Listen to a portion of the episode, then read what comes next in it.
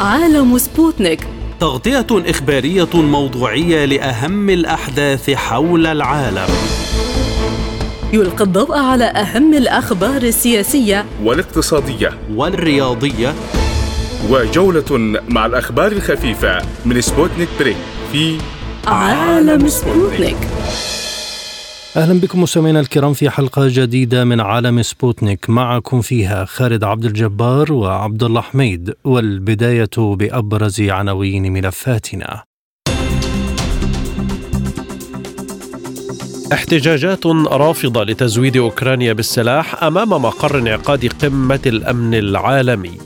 طرد دبلوماسية إسرائيلية كبيرة من قمة الاتحاد الأفريقي وسط خلاف. الرئيس التونسي يطرد الأمينة العامة للاتحاد الأوروبي للنقابات لمشاركتها في احتجاجات بقيادة الاتحاد التونسي للشغل اتفاق بين العراق والكويت على عقد جولة من المحادثات القانونية والفنية لإنهاء خلاف حدودي بحري. واقتصاديا منافسة كبيرة بين عرض قطري وشركة راتكليف للاستحواذ على نادي مانشستر يونايتد.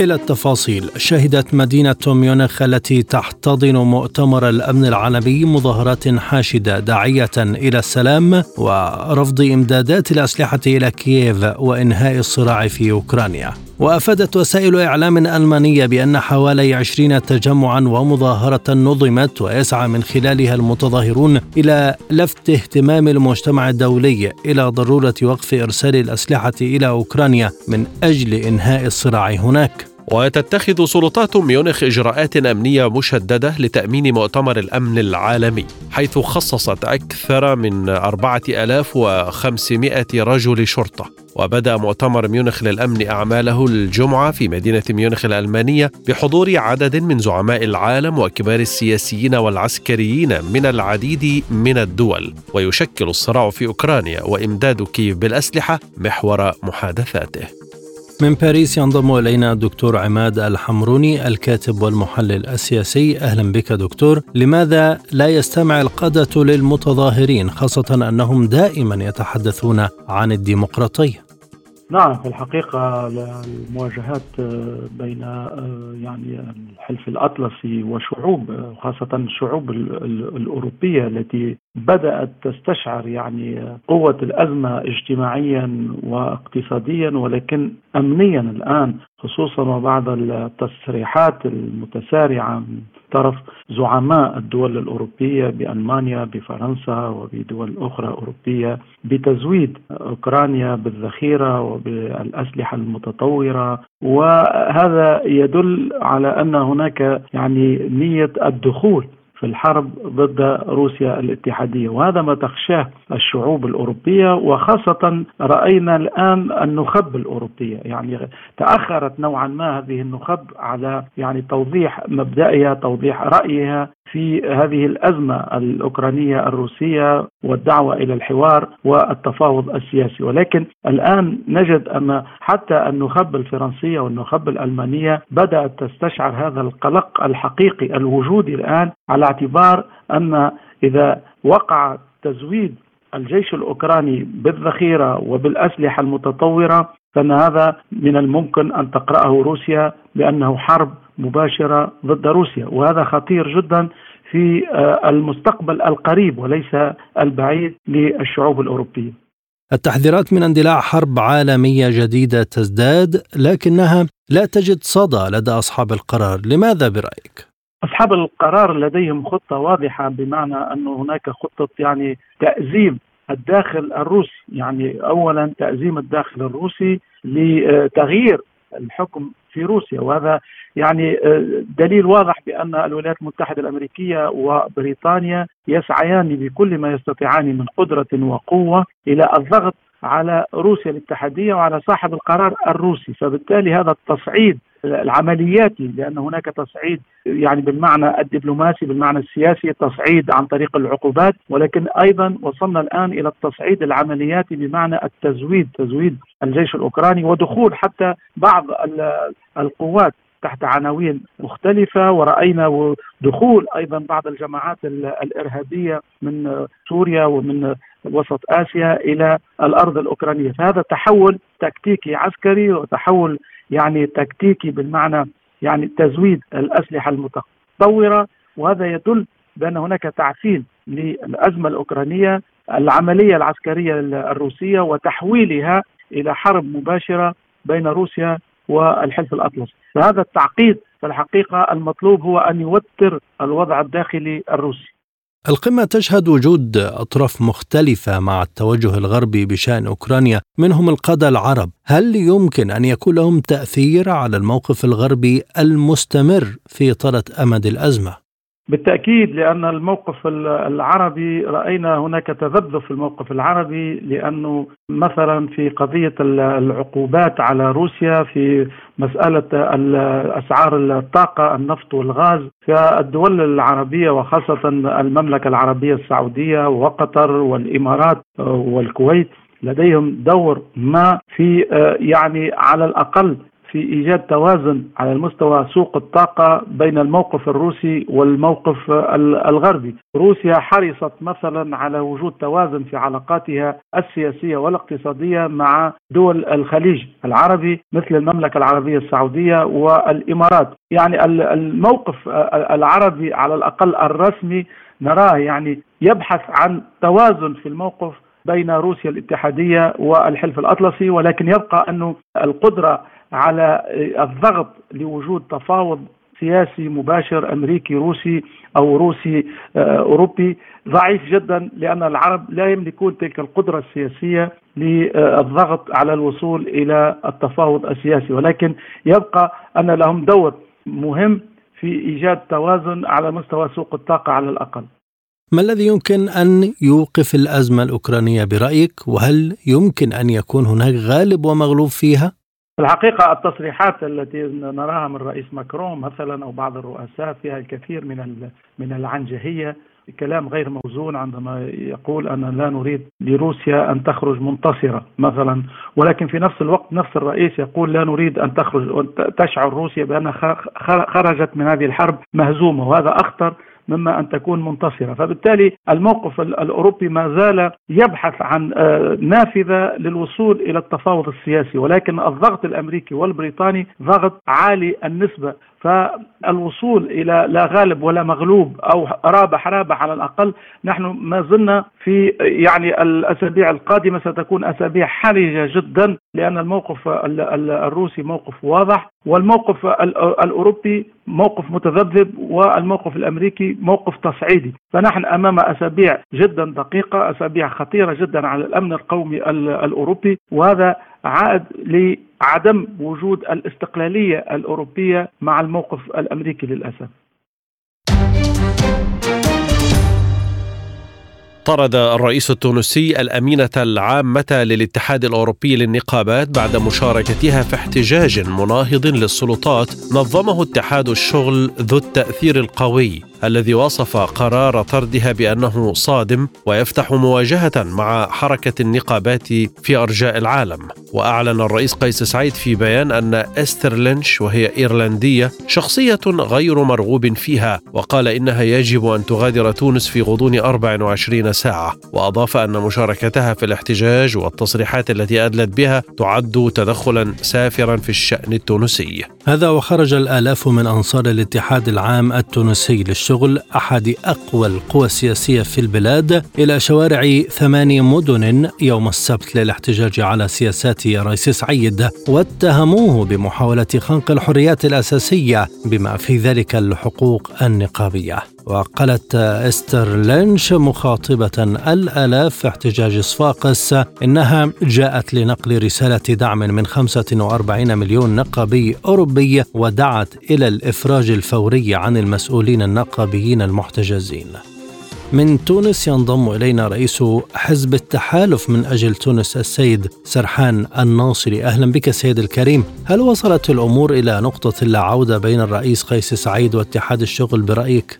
نعم نحن كنا آه، قد طلبنا سابقا بفتح باب الحوار بين رئاسة الجمهورية والاتحاد العام التونسي للشغل بكونه منظمة وطنية وله دور أساسي في تعديل المشهد السياسي. لكن في الفترة الأخيرة انتظمت بعض الاحتجاجات في العديد من المدن التونسية وهذا حق مشروع للاتحاد العام التونسي أنه يخرج للشارع والتظاهر هو حق دستوري إلا أن بعض التفاصيل هي ما أثارت بعض القلق وهو وجود شخصيات أجنبية بدعمها والمساندة للاتحاد العام التونسي للشغل. ما أثار حافظة رئيس الجمهورية والتونسيين هو التصريحات التي قامت بها السيدة أمينة الأمينة العامة للكونفدرالية النقابية بالاتحاد الأوروبي حول الوضع التونسي وحول الشأن الداخلي وتدخلها تدخلا سافر في شأننا الوطني. وهذا مرفوض وغير مقبول. كان يمكن أن تحضر وتساند أو تدعم تحركات الاتحاد العام التونسي للشغل خاصة وأنها معروفة في الدول العربية بمساندتها للتحركات النقابية إلا أن هذه التحركات لم تأتي في الوقت المناسب. اولا وثانيا هو تصريحات التي قامت بها السيدة كما نعتبره تدخلا سافرا لذلك رئيس الجمهورية قد قرر بعد استماعها من طرف الأمن التونسي والشرطة المختصة قاموا باتخاذ قرار وأنها شخص غير مرغوب فيه في تونس هل سيكون لخطوة طرد الأمينة العامة للاتحاد الأوروبي للنقابات نتائج سلبية على البلاد؟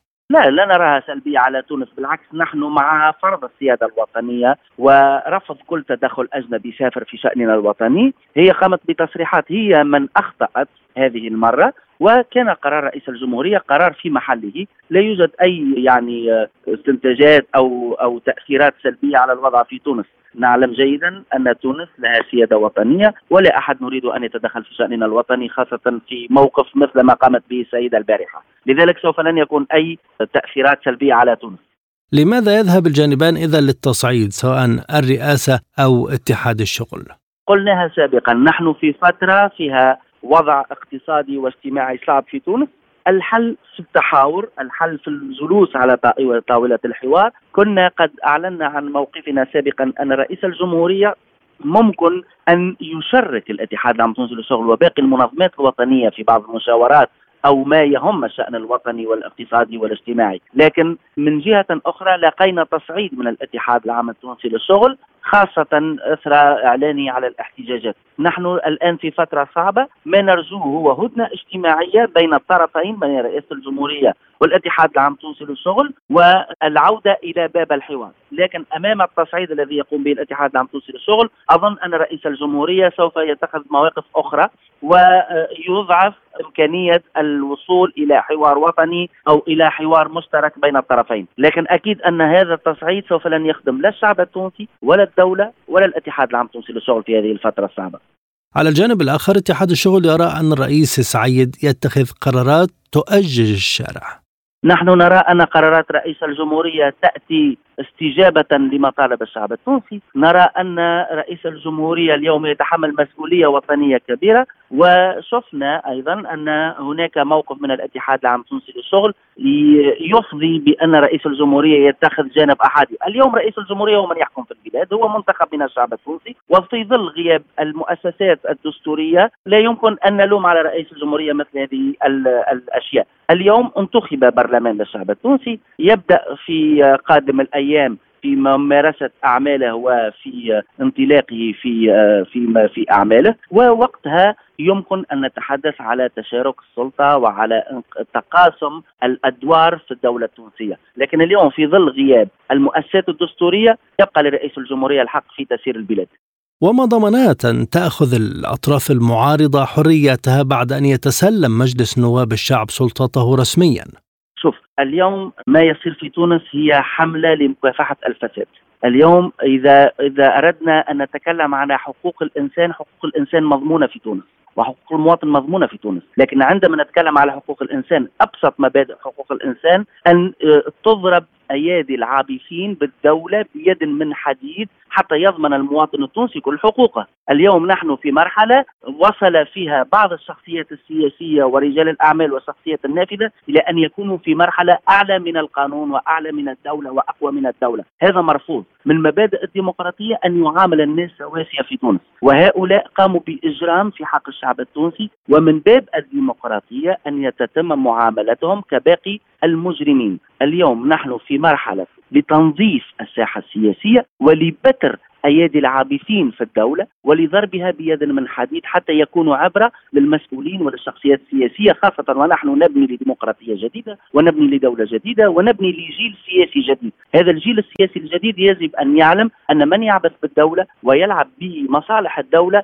سيواجه بالقانون. وكل ما حدث في الأيامات الفارضة من إيقافات هو طبقا للقانون. وذلك نراه إحنا يعني في إطار العدالة الاجتماعية في البلاد. بالنسبة لمجلس نواب الشعب قد قيم باختياره وقد انتخب انتخابات شفافة ونزيهة ومباشرة في الفترة السابقة وننتظر الإعلان من الهيئة العليا المستقلة للانتخابات عن آخر النتائج النهائية لبداية وانطلاق أعمال مجلس النواب في انتظار انتخاب مجلس الجهات والأقاليم وتشكيل ويعني إرساء المحكمة الدستورية وهنا يكتمل المشهد السياسي الذي يحترم المؤسسات ويحترم الدولة ويحترم القانون.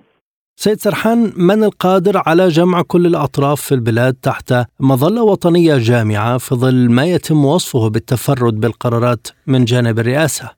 اليوم التفرد بالقرارات وتفرد تفرد الحكم لدى رئيس الجمهورية مثل ما قلت هو غياب المؤسسات الوطنية والمؤسسات الدستورية بعد تشكيل البرلمان سيكون دور الأحزاب السياسية وأحكي على الأحزاب السياسية الوطنية التي لم تشارك في عشرية الفساد هي من سيكون لها الدور في جمع التونسيين وفي جمع كل الأطراف السياسية لأن دولة بدون أحزاب لا يمكن أن يمارس فيها السياسة ولا يمكن أن نتكلم على دولة القانون والمؤسسات ودولة الحقوق والحريات بدون أحزاب سياسية وأجسام وسيطة يبقى أن هنا على الأحزاب السياسية ورؤساء الأحزاب وكل الهيئات السياسية في تونس أن يتحملوا مسؤوليتهم الوطنية وأن يغلبوا المصلحة الوطنية والمصلحة العليا للبلاد على المصالح الحزبية والشخصيات الضيقة.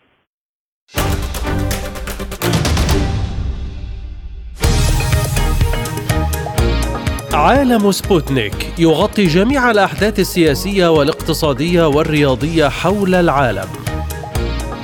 على مدار ساعة تتابعون عالم سبوتنيك مع أهم خبراء التحليل السياسي والاقتصادي. نقترب معكم في متابعة دقيقة من القضايا السياسية والاقتصادية، كما نستعرض أهم الأخبار الرياضية والفنية والبيئية. انتظروا عالم سبوتنيك أيام الجمعة والسبت والأحد من كل أسبوع. ملفات ساخنة. برنامج يسلط الضوء على أهم القضايا الحرجة في العالم. في ملفات ساخنة نستعرض القضايا مع جميع الأطراف ومن كل الزوايا لاستجلاء الحقيقة. ملفات ساخنة يستضيف أهم الخبراء وأجرأ الضيوف. تابعوا ملفات ساخنة مع راديو سبوتنيك أيام السبت والثلاثاء والخميس من كل أسبوع. شهدت قمة الاتحاد الإفريقي السنوية المنعقدة في إثيوبيا طرد دبلوماسية إسرائيلية كبيرة مع تصاعد الخلاف حول اعتماد إسرائيل في التكتل، وقالت وزارة الخارجية الإسرائيلية إن إسرائيل تنظر بجدية إلى واقعة طرد نائبة مدير الشؤون الإفريقية السفيرة شارون بارلي من قاعة الاتحاد الإفريقي على الرغم من وضعها كمراقب معتمد وحصولها على شارات للدخول. وقالت إيبا كالوندو المتحدثة باسم رئيس مفوضية الاتحاد الأفريقي إن الدبلوماسية أخرجت من القاعة لأنها ليست السفيرة الإسرائيلية المعتمدة لدى إثيوبيا وهي المسؤولة التي كان من المتوقع حضورها، لكن إسرائيل حملت جنوب أفريقيا والجزائر وهما دولتان كبيرتان في الكتلة المؤلفة من 55 دولة مسؤولية هذه الواقعة قائلة إنهما تحتجزان الاتحاد الأفريقي رهينة وإنهما مدفوعتان بالكراهية. ورفضت جنوب أفريقيا هذا الادعاء قائلة إن الاتحاد لم يبت بعد في طلب إسرائيل الحصول على صفة مراقب به وأضاف أن الأمر لا يتعلق بجنوب أفريقيا أو الجزائر لأنها مسألة مبدأ. من القاهرة تنضم إلينا الدكتورة أمان الطويل مديرة البرنامج الإفريقي بمركز الأهرام للدراسات السياسية والاستراتيجية. دكتورة أماني مرحبا بك. إذا لماذا وصلت الأمور إلى هذه الدرجة من الخلاف؟ لأن في إصرار إسرائيلي على إنها تحصل على عضو مراقب.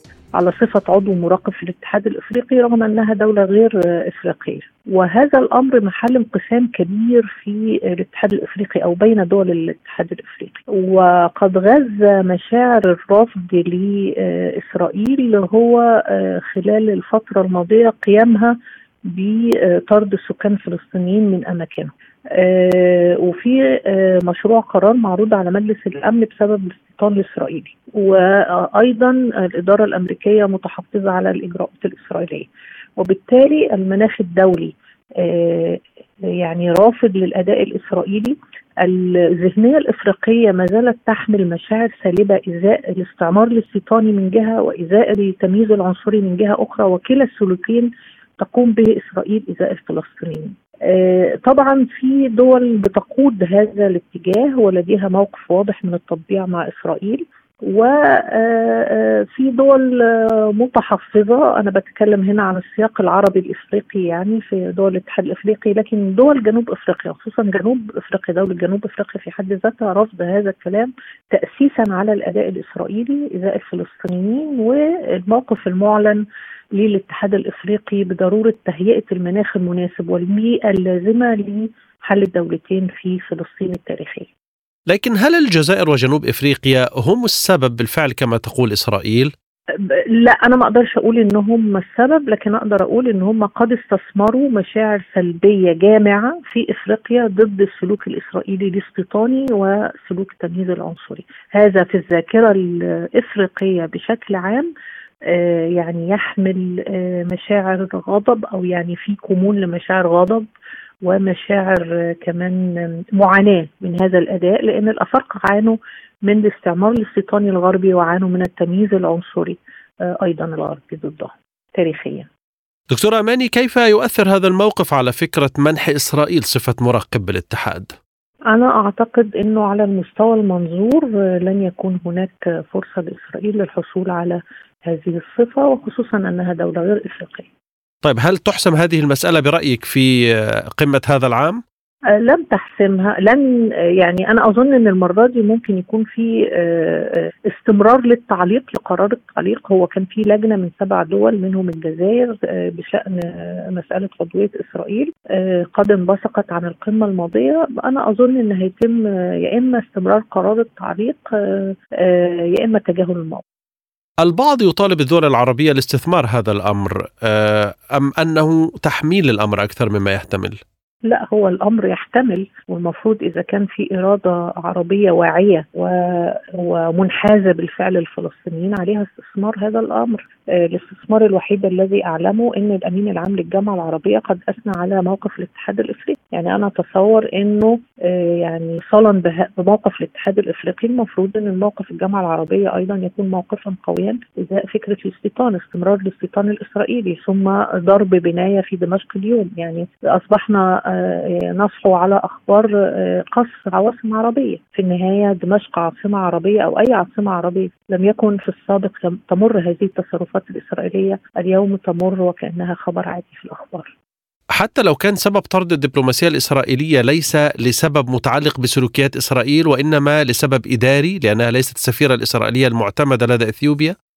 يعني أنا أظن إن ده مخرج يعني مخرج دبلوماسي أو محاولة لمخرج دبلوماسي من جانب الاتحاد الإفريقي في النهاية هذه تحمل جنسية دولة كان ممكن التعامل معها برفقه أكثر من ذلك لكن يبدو أن كان من المطلوب إيصال رسالة قوية لإسرائيل.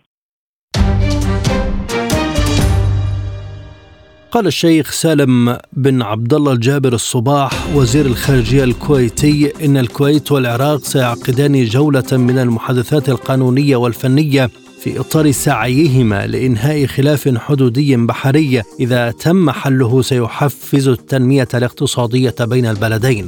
ورسمت الأمم المتحدة في عام 1993 الحدود البرية بين البلدين بعد غزو العراق للكويت. لكن عملية الترسيم لم تشمل طول حدودهما البحرية وتركت الأمر للبلدين لإيجاد حل لها. وقال وزير الخارجية في مؤتمر ميونخ للأمن إن الأمر يمثل أولوية قصوى بالنسبة للحكومتين والكويت تعمل مع العراق لوضع اللمسات الأخيرة على ترسيم الحدود البحرية. ومن شأن التوصل إلى اتفاق أن يفتح الباب لتعاون أوثق يتضمن بناء المواني وإدارة حقول النفط الحدودية والتسهيل العام للتجارة والنقل بين البلدين. من بغداد ينضم إلينا جمال الأسدي الخبير القانوني العراقي. أستاذ جمال بداية هل هناك خلاف بين العراق والكويت حول ترسيم الحدود؟ حقيقة هو ماكو خلاف بين العراق والكويت حول ترسيم الحدود وإنما هناك وجود للجان مشتركة لترسيم الحدود بين العراق والكويت. هذا ما يسموه خلاف بين الدولتين بقدر ما هو اختلاف وجهات النظر بين اللجان اللي موجودة بالدولتين اللي تطبق قرارات مجلس الأمن الدولي في ترسيم الحدود وهذا اختلاف وجهات النظر طبيعي سواء بالعراق أو خارج العراق في أي دولة. آه، موضوع أصل الخلاف هو آه، أصل خلاف سابق على خور عبد الله وعلى بعض الحدود المؤشرة بين الدولتين وكذلك تأصل وكثر وكبر ما بعد حرب ما بعد دخول صدام وقوات صدام للكويت بعد 1990 وتحرير الكويت من قوات التحالف آنذاك. لكن ماذا عن الوساطات بين الدولتين في تلك المحادثات؟ هي الدولتين متواصلة والسفارتين العراقية والكويتية بالدولتين أيضا آه، متواصلة وهناك علاقات كبيرة وقوية ووثيقة وعميقة بين الدولتين وحتى الحدود الآن مفتوحة بين العراق والكويت بدون فيزا بالنسبة للكويتيين للعراق وأيضا بالنسبة للعراقيين للكويت الجوازات الدبلوماسية أيضا يطبون بدون فيزا لذلك علاقات كبيرة ما أعتقد هناك وسيط يحتاج لهذا الموضوع كيف يمكن الوصول إلى اتفاق ولماذا تأخر طوال هذه السنوات؟ الوصول إلى اتفاق تاخيرا لهذه السنوات ممكن نقدر نقول إن هناك كان في السابق آثار كبيرة بهذا الموضوع يحتاج لها يمكن وقت أطول لرفع هذه الآثار وتطمين الاطراف جميعها حتى تصل إلى الوقت المحدد اللي تقدر به تحدد الحدود أو ممكن حتى هذه الحدود اللي هي شكلية أو رسم على الخرائط تزال مثل ما أزيلت في دول أوروبا وفي دول أخرى مثل الاتحاد الخليجي. أيضا هم العراق ممكن أن يكون بالاتحاد الخليجي وهذه الحدود تبقى يعني كتخطيط على ورق أكثر مما هي حدود فعلية. ولمزيد من الإيضاح تنضم إلينا أيضا من بغداد السيدة سهاد الشمري الباحثة السياسية أهلا بك سيدتي يعني عام 93 تم ترسيم الحدود بين العراق والكويت لماذا إذا تأخر الترسيم لكل هذا الوقت؟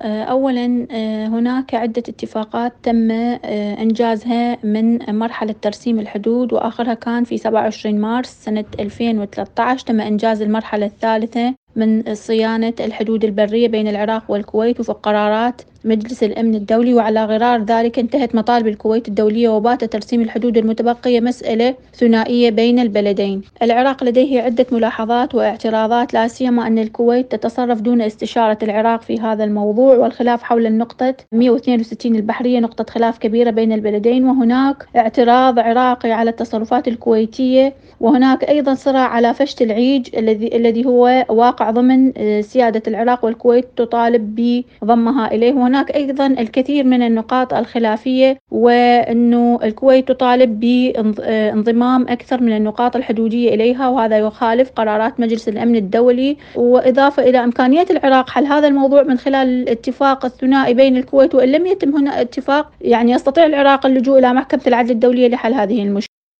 برأيك إلى أي مدى أثر الوضع السياسي العراقي على هذا الملف؟ بالتأكيد أثر الوضع السياسي في العراق على آه، تفعيل هذا الملف لأن هناك كانت عدة مشاكل داخلية بين القوى والمكونات السياسية العراقية التي بدورها ألقت على بظلالها على آه، العلاقات الخارجية وعدم جدية الحكومات السابقة بحلحلة هذه المشكلات. لكن أعتقد اليوم حسب خطاب السيد السوداني أنه يعني جاد وعازم على حل جميع المشاكل الداخلية والخارجية للعراق وبدء بصفحة سياسية جديدة. لكن السؤال هنا هل يستطيع السيد السوداني إيفاء بوعوده تجاه شعبه وتجاه المجتمع الدولي والإقليمي. هذا ما نراه في قوازم الأيام من تحقيق جميع البروغرام الانتخابي الذي وعد إليه.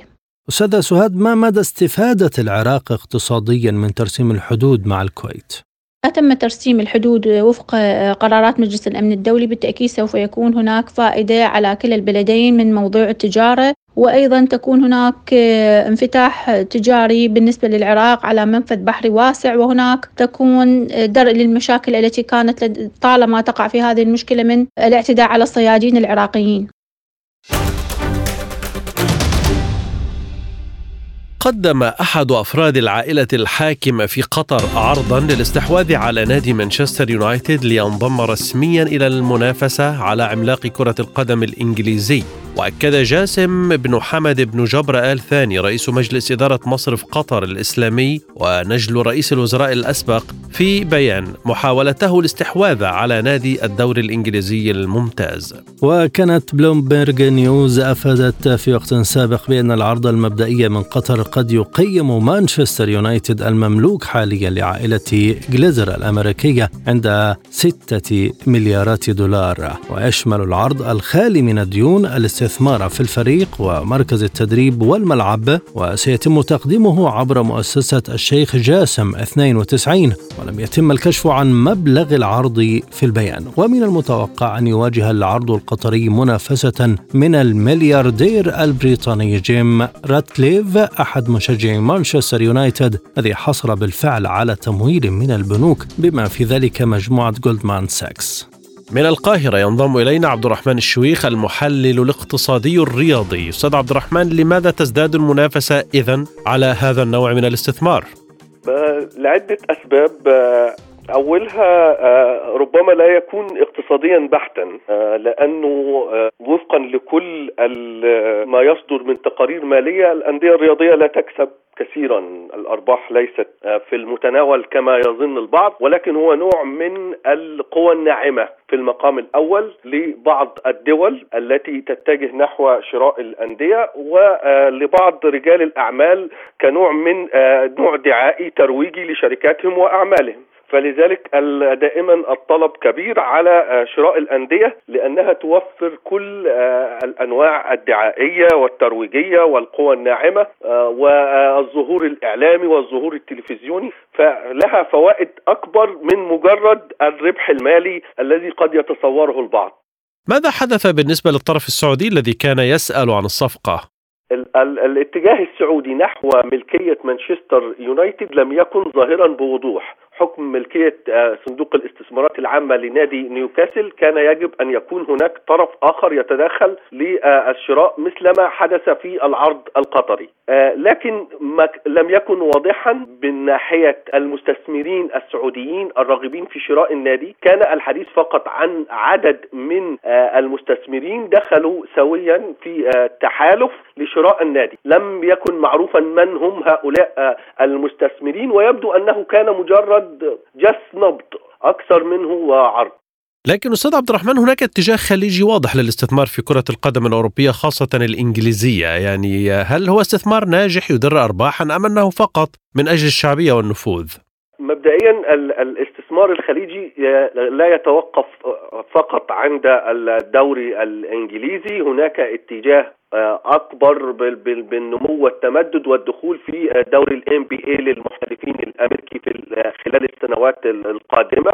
لكن يبدو الدوري الإنجليزي هو نقطة الضوء والبقعة الكبيرة التي يستطيع من يريد التوهج الذهاب إليها. العالم كله يتابع الدوري الإنجليزي. مجرد مباراة شاهدنا مثلا مباراة أستون فيلا وأرسنال كم كانت كم المتابعة والشغف فيها والإثارة. وبالتالي الحديث بالكامل عن الدوري الإنجليزي، الدوري الإنجليزي فيه كل شيء شهرة عن الإثارة، عن الجنون، المتابعة الجماهيرية، الاهتمام في العالم أجمع بنقل المباريات، حتى الإيرادات التي تدخل من الدوري الإنجليزي فهي أكبر من الدول الأخرى في الدوريات الأخرى، لذا فالدوري الإنجليزي هو دايما الاتجاه إليه كبير. الدول الخليج لماذا تهتم أكثر بالدوري الإنجليزي؟ لأنها رأت في نجاح الكبير لتجربة مانشستر سيتي. هي علامة لذلك.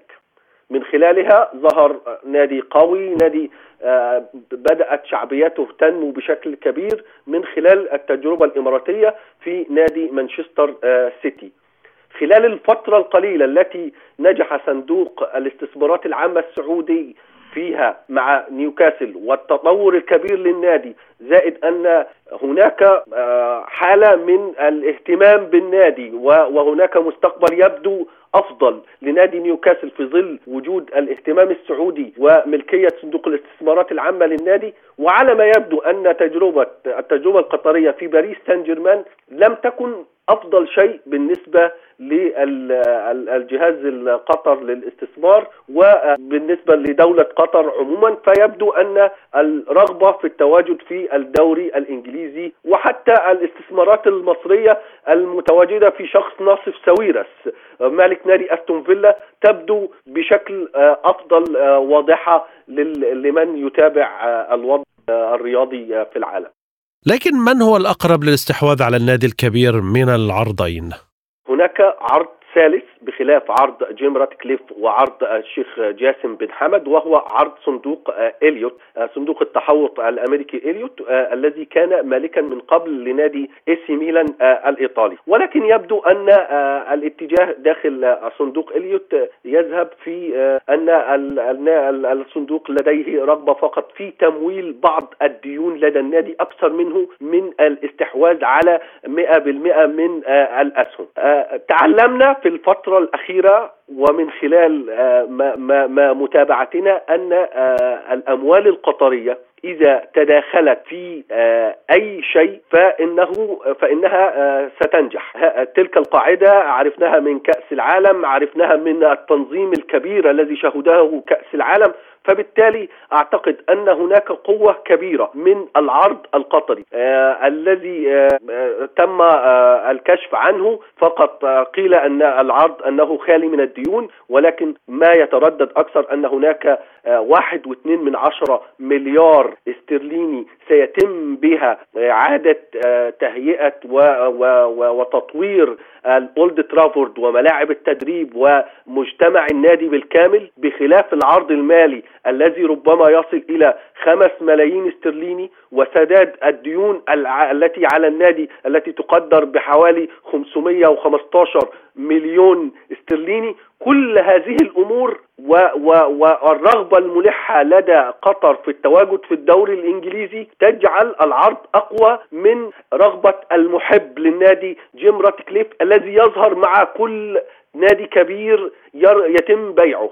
كان كان له تواجد خلال عرض تشيلسي قبل أن ينجح تود بويلي في الاستحواذ على النادي ويبدو أنه لديه مساعي للشهرة. من خلال هذه العروض أكثر منها رغبة الشراء جدية الشراء ربما القدرة المالية لدى قطر أكبر كثيرا من العرض الخاص بجيم راتكليف فاصل قصير ونكمل بعده فقرة عالم سبوتنيك. عالم سبوتنيك يغطي جميع الأحداث السياسية والاقتصادية والرياضية حول العالم على مدار ساعة تتابعون عالم سبوتنيك مع أهم خبراء التحليل السياسي والاقتصادي. نقترب معكم في متابعة دقيقة من القضايا السياسية والاقتصادية، كما نستعرض أهم الأخبار الرياضية والفنية والبيئية. انتظروا عالم سبوتنيك أيام الجمعة والسبت والأحد من كل أسبوع. ملفات ساخنة. برنامج يسلط الضوء على أهم القضايا الحرجة في العالم. في ملفات ساخنة نستعرض القضايا مع جميع الأطراف ومن كل الزوايا لاستجلاء الحقيقة. ملفات ساخنة. يستضيف أهم الخبراء وأجرأ الضيوف. تابعوا ملفات ساخنة مع راديو سبوتنيك أيام السبت والثلاثاء والخميس من كل أسبوع الآن إلى جولة من الأخبار حول العالم. دمر الجيش الروسي محطة رادار أوكرانية محمولة مضادة للبطاريات تصنعها الولايات المتحدة بالقرب من خرسون حسبما ذكر مصدر مطلع على الوضع. وقال المصدر إن نيران المدفعية في منطقة داريفكا دمرت رادارا وشاحنة صغيرة كانت تقلها. وكانت الخسائر أربعة قتلى من العسكريين من القوات الأوكرانية وإصابة واحدة. كما دمر الجيش الروسي معقلا للقوات الأوكرانية في لوغانسك بصاروخين حراريين من نظام قاذف اللهب الثقيل وذلك وفقا لمراسل وكالة سبوتنيك ودمر طاقم المدفعية أيضا مدفع هاوتزر من طراز مستا بي في الليلة الماضية أيضا في خرسون بالقرب من كاميشاني. أعلن المتحدث باسم الرئاسة الروسية ديمتري بيسكوف أن تصريحات نائبة وزير الخارجية الأمريكي فيكتوريا نولاند حول اعتبار شبه جزيرة القرم هدفا عسكريا مشروعا لكييف يؤكد عمق الخلافات بين الولايات المتحدة وروسيا ودور الولايات المتحدة باعتبارها المحرض الرئيسي للتوتر الدولي. وقال بيسكوف إن السيدة نولاند تنتمي إلى معسكر كبير جدا من الصقور العدوانية في السياسة الأمريكية. وكانت نائبة وزير الخارجية الأمريكي فيكتوريا نولاند قد صرحت أن الولايات المتحدة تدعم الضربات الأوكرانية على المنشآت العسكرية الموجودة في شبه جزيرة القرم ووصفتها بأنها أهداف مشروعة. أصيب أربعة عسكريين في الجيش السوري في تفجير العبوة الناسفة أثناء مرور سيارتهم على إحدى الطرق الزراعية بريف درعا. وقال مصدر عسكري في درعا إن إرهابيين زرعوا عبوة ناسفة وقاموا بتفجيرها أثناء مرور سيارة عسكرية على الطريق الزراعية شرق بلدة خبب بريف درعا الشمالي وقال المصدر إن التفجير أسفر عن إصابة أربعة عسكريين بجروح متفاوتة وتم نقلهم إلى المستشفى. وما زلنا في سوريا حيث قال شهود ومسؤولون إن هجوما صاروخيا إسرائيليا استهدف مبنى في حي كفر سوسة بوسط العاصمة السورية دمشق بالقرب من مجمع أمني كبير قريب من منشآت إيرانية مما أسفر عن سقوط خمسة قتلى. وألحق الهجوم أضرارا بعدة مبان في المنطقة الكثيفة السكان بالقرب من ميدان الأمويين في قلب العاصمة حيث تقع مبان أمنية متعددة الطوابق وسط المناطق السكنية. وقال مسؤول في الشرطة لوسائل الإعلام الرسمية إن الهجوم أسفر عن سقوط عدة قتلى وجرحى وامتنع متحدث عسكري إسرائيلي عن التعليق. ونقلت وسائل إعلام رسمية عن مصدر عسكري قوله إن إسرائيل شنت هجمات جوية استهدفت عدة مناطق في العاصمة بعد منتصف الليل مما أسفر عن مقتل خمسة وإصابة خمسة عشر بين المدنيين وإلحاق أضرار بعدد من المباني السكنية. أدنت وزارة الخارجية الفلسطينية بأشد العبارات سياسة الوزير الإسرائيلي المتطرف إتمار بن غفير ضد المواطنين المقدسيين ومقدساتهم وأحيائهم وبلداتهم ومنازلهم في القدس المحتلة والتي تقوم على فرض المزيد من العقوبات الجماعية. وقالت الخارجية في بيان صحفي أن سياسة المتطرف بن غفير تعتمد على توسيع دائرة جرائم هدم المنازل والمنشآت الفلسطينية وفرض الإغلاقات على المناطق الفلسطينية في المدينة المقدسة هذا بالإضافة لحملة الاعتقالات الجماعية بحسب البيان. وحملت الخارجية الفلسطينية الحكومة الإسرائيلية برئاسة بنيامين نتنياهو المسؤولية الكاملة والمباشرة عن نتائج وتداعيات سياسة بن غفير في القدس وطلبت الوزارة مجلس الأمن الدولي بتحمل مسؤولياته في احترام قراراته وضمان تنفيذها. خرج ما يقرب من 250 ألف إسرائيلي في احتجاجات على مستوى البلاد ضد الإصلاح القضائي المثير للجدل لحكومة نتنياهو. وانطلقت الاحتجاجات في أكثر من 60 موقعا مختلفا في إسرائيل وهو الأسبوع السابع على التوالي من المظاهرات منذ اقتراح الإصلاحات القضائية. وقالت تقارير إعلامية إن ما يقرب من 135 ألف شخص نزلوا إلى الشوارع في تل أبيب وحدها. وتضمنت التعديلات التي طرحها وزير العدل الإسرائيلي ياريف ليفين حزمة من الإصلاحات القانونية من شأنها الحد من سلطة المحكمة العليا من خلال منح مجلس الوزراء السيطرة على اختيار القضاة الجدد فضلا عن السماح للكنيست بتجاوز أحكام المحكمة مما أثار انتقادات عامة وموجة من الاحتجاجات الجماهيرية. وقالت صحيفة تايمز اوف إسرائيل إن مشاريع قوانين الإصلاح القضائي المثيرة للجدل ستصل إلى الجلسة الكاملة للكنيست يوم الاثنين المقبل العشرين من فبراير شباط.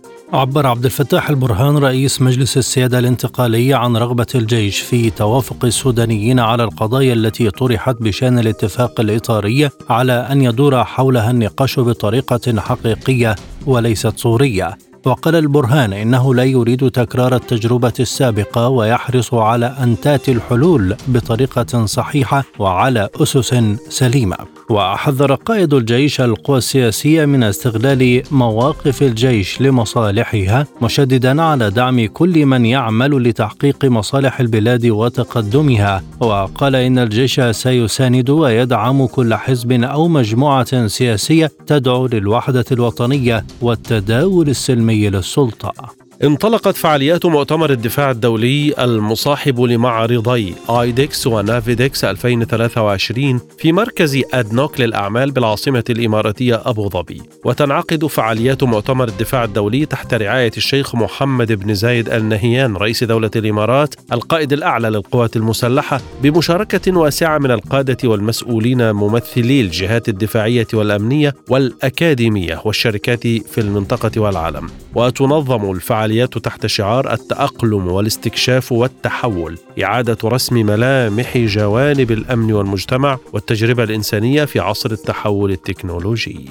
أعلنت كوريا الشمالية أنها أجرت اختبارا لصاروخ باليستي عابر للقارات من طراز ICBM وهو الاختبار الثالث المعروف لهذا النوع من الصواريخ في أقل من عام. ونقلت شبكة سي إن إن عن وكالة الأنباء المركزية الكورية التي تديرها الدولة أن الصاروخ حلق 989 كيلومترا لمدة 67 دقيقة تقريبا على ارتفاع 768 ونصف كيلو متر مشيرة إلى أن الاختبار كان دليلا على قدرة بيونغ يانغ على إطلاق هجوم نووي مميت على القوى المعادية ودليلا واضحا على موت موثوقية قوتها الرادعة. يأتي الاختبار الأخير بعد أن حذرت كوريا الشمالية يوم الجمعة من ردود قوية غير مسبوقة إذا مضت الولايات المتحدة وكوريا الجنوبية قدما في التدريبات العسكرية المخططة.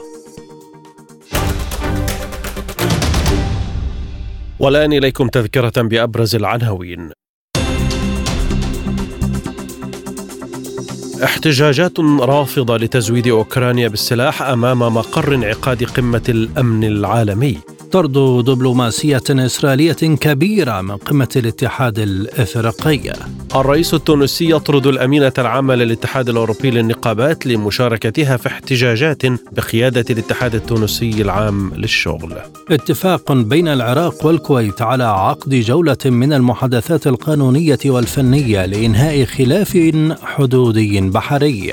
واقتصاديا منافسة كبيرة بين عرض قطري وشركة راتكليف للاستحواذ على نادي مانشستر يونايتد.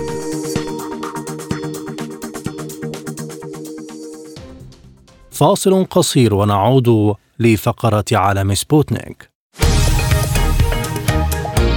عالم سبوتنيك يغطي جميع الأحداث السياسية والاقتصادية والرياضية حول العالم. على مدار ساعة تتابعون عالم سبوتنيك مع أهم خبراء التحليل السياسي والاقتصادي. نقترب معكم في متابعة دقيقة من القضايا السياسية والاقتصادية، كما نستعرض أهم الأخبار الرياضية والفنية والبيئية. انتظروا عالم سبوتنيك أيام الجمعة والسبت والأحد من كل أسبوع. مساحة حرة برنامج يسلط الضوء على أهم القضايا الاجتماعية والاقتصادية حول العالم. في مساحة حرة تنوع في الآراء وثراء في النقاش. مساحة حرة يأتيكم عبر راديو سبوتنيك الاثنين والخميس من كل أسبوع. الآن مع أخبار الاقتصاد.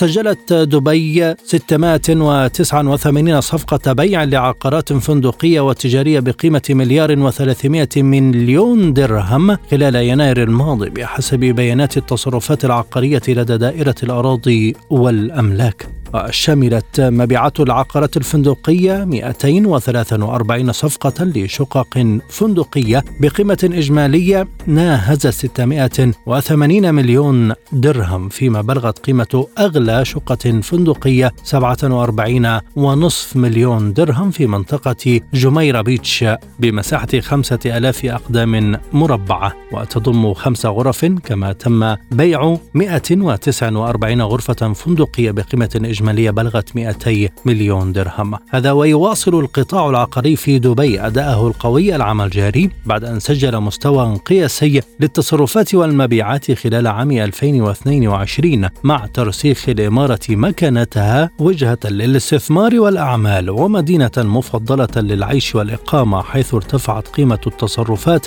44.7% إلى 430.26 مليار درهم مقابل 297.26 مليار في 2021 ارتفعت أرباح شركة أرامكو السعودية لزيوت الأساس لوبريف بنسبة 32% خلال عام 2022 لتصل إلى مليار ريال أي حوالي 528 مليون دولار. جاءت الأرباح متجاوزة توقعات المحللين البالغة مليار ريال ونصف حيث عزت الشركة النمو إلى ارتفاع هوامش تكسير زيوت الأساس والمنتجات الثانوية إضافة إلى زيادة أحجام المبيعات. حيث ارتفعت الإيرادات بنسبة 20% إلى 10 مليارات ريال ونصف. وأوصى مجلس إدارة الشركة المدرجة بسوق الأسهم السعودية بتوزيع 842 مليون ريال فاصل ثلاثة من عشرة كأرباح نقدية على المساهمين عن النصف الثاني من العام 2022 بواقع خمسة ريالات للسهم. قالت ماري بارا الرئيسة التنفيذية لشركة جنرال موتورز أن العام الجاري سيشهد تخطي الشركة لمنافسيها التقليديين والبدء في محاولات الحد من الفجوة بينها وبين شركة تسلا في سباق تصنيع السيارات الكهربائية. وظلت جنرال موتورز تتحدث لأربعة أعوام عن ثلاثين طرازا لسيارات كهربائية جديدة تستخدم بطاريات ألتيوم الخاصة بالشركة لكنها لم تبدأ إنتاجها إلا مؤخرا. واعتمادا على هذه البطاريات ستطرح الشركة سبع سيارات كهربائية جديدة هذا العام. من ضمنها سيارة دفع الرباعي كاديلاك ليريك وشيفروليه بليزر وشاحنة شيفروليه وتعتقد بارا أن جنرال موتورز ستتجاوز منافساتها التقليدية. فورد موتورز في مبيعات السيارات الكهربائية وتبدأ في الاستحواذ على السوق الذي سيطرت عليه تسلا خلال العقد الماضي.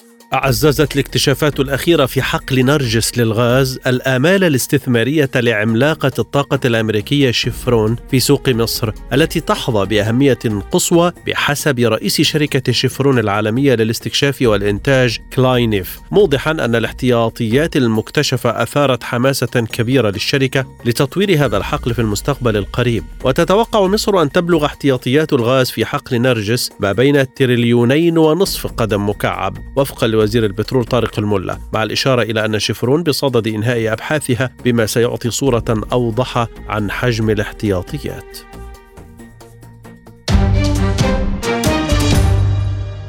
الآن مع أخبار الرياضة.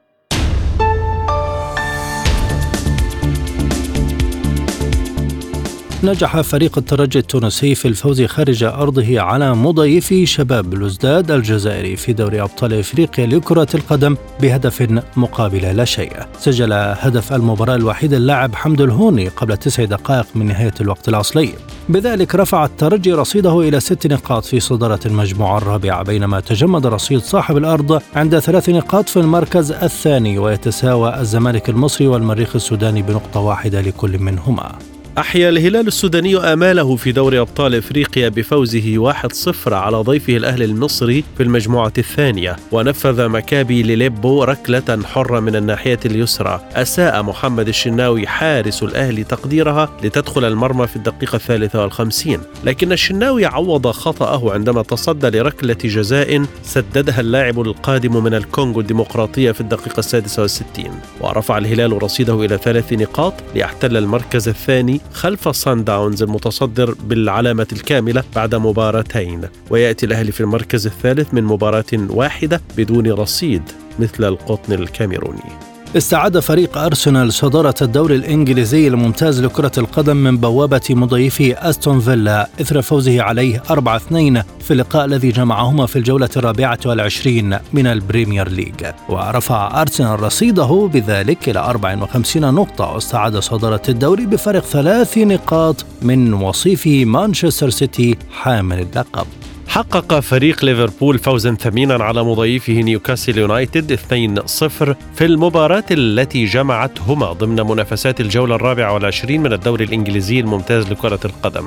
وحقق ليفربول انتصاره الثاني على التوالي ورفع رصيده إلى 35 نقطة وتقدم إلى المركز الثامن في جدول ترتيب الدوري بينما يشغل نادي نيوكاسل يونايتد المركز الرابع على سلم ترتيب ال Premier League برصيد 41 نقطة. حقق ريال مدريد فوزا مهما على مضيفه أوساسونا بهدفين من دون رد في المباراة التي جمعتهما في إطار منافسات الجولة الثانية والعشرين من الدوري الإسباني لكرة القدم. ورفع الريال بذلك رصيده إلى 51 نقطة ويحتل المركز الثاني في جدول ترتيب الدوري مقلصا الفارق إلى ست نقاط بينه وبين المتصدر برشلونة بينما توقف رصيد أوساسونا عند 30 نقطة ويشغل المركز العاشر على سلم الترتيب.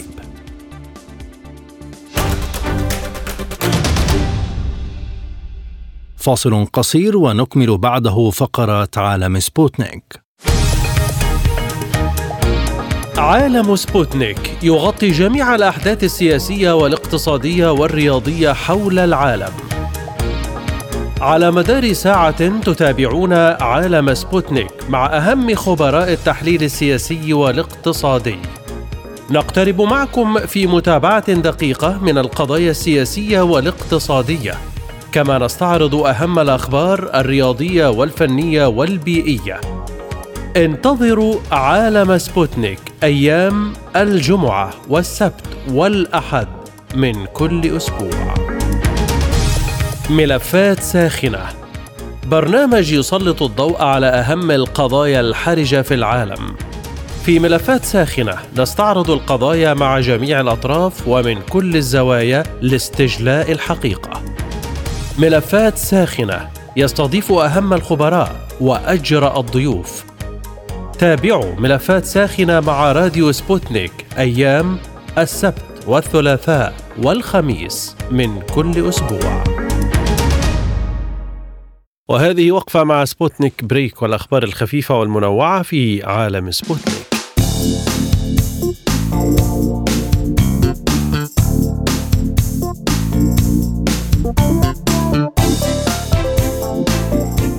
افتتح في المتحف الروسي للإثنوغرافيا في بطرسبورغ معرض طريق الإيمان والفضيلة التقاليد الفنية للشعوب المسلمة في روسيا وجمع معروضاته موظفو المتحف خلال رحلات استكشافية إلى القوقاز ومنطقة الفولجا وآسيا الوسطى وكازاخستان. وقال الدكتور فلاديمير ديمترييف الباحث والأمين العام للمعرض هناك بين المعروضات نصب تذكاري وضع على قبر يعود تاريخه إلى القرن الخامس عشر الميلادي. ومنطقة جنوب آسيا الوسطى وأضاف أن الآثار يتم جمعها فقط بموافقة مالكها ونقل النصب التذكاري إلى هنا بموافقة العائلة والأهم من ذلك بموافقة الطائفة التي ينتمي إليها. أفادت مؤسسة روسكوسموس بأن حطام مركبة بروغريس MS 21 التي تم فصلها عن المحطة الفضائية الدولية سقط في المحيط الهادي وتم فصل المركبة من المحطة الفضائية وبعد مغادرة المركبة للمحطة قام رواد الفضاء بتحويلها والتقطوا صورا إضافية لموقع الخلل ونظرا لحقيقة أنه لم يتم العثور على أي ضرر أثناء التصوير تم اتخاذ قرار بإبقاء المركبة في المدار لفترة أطول.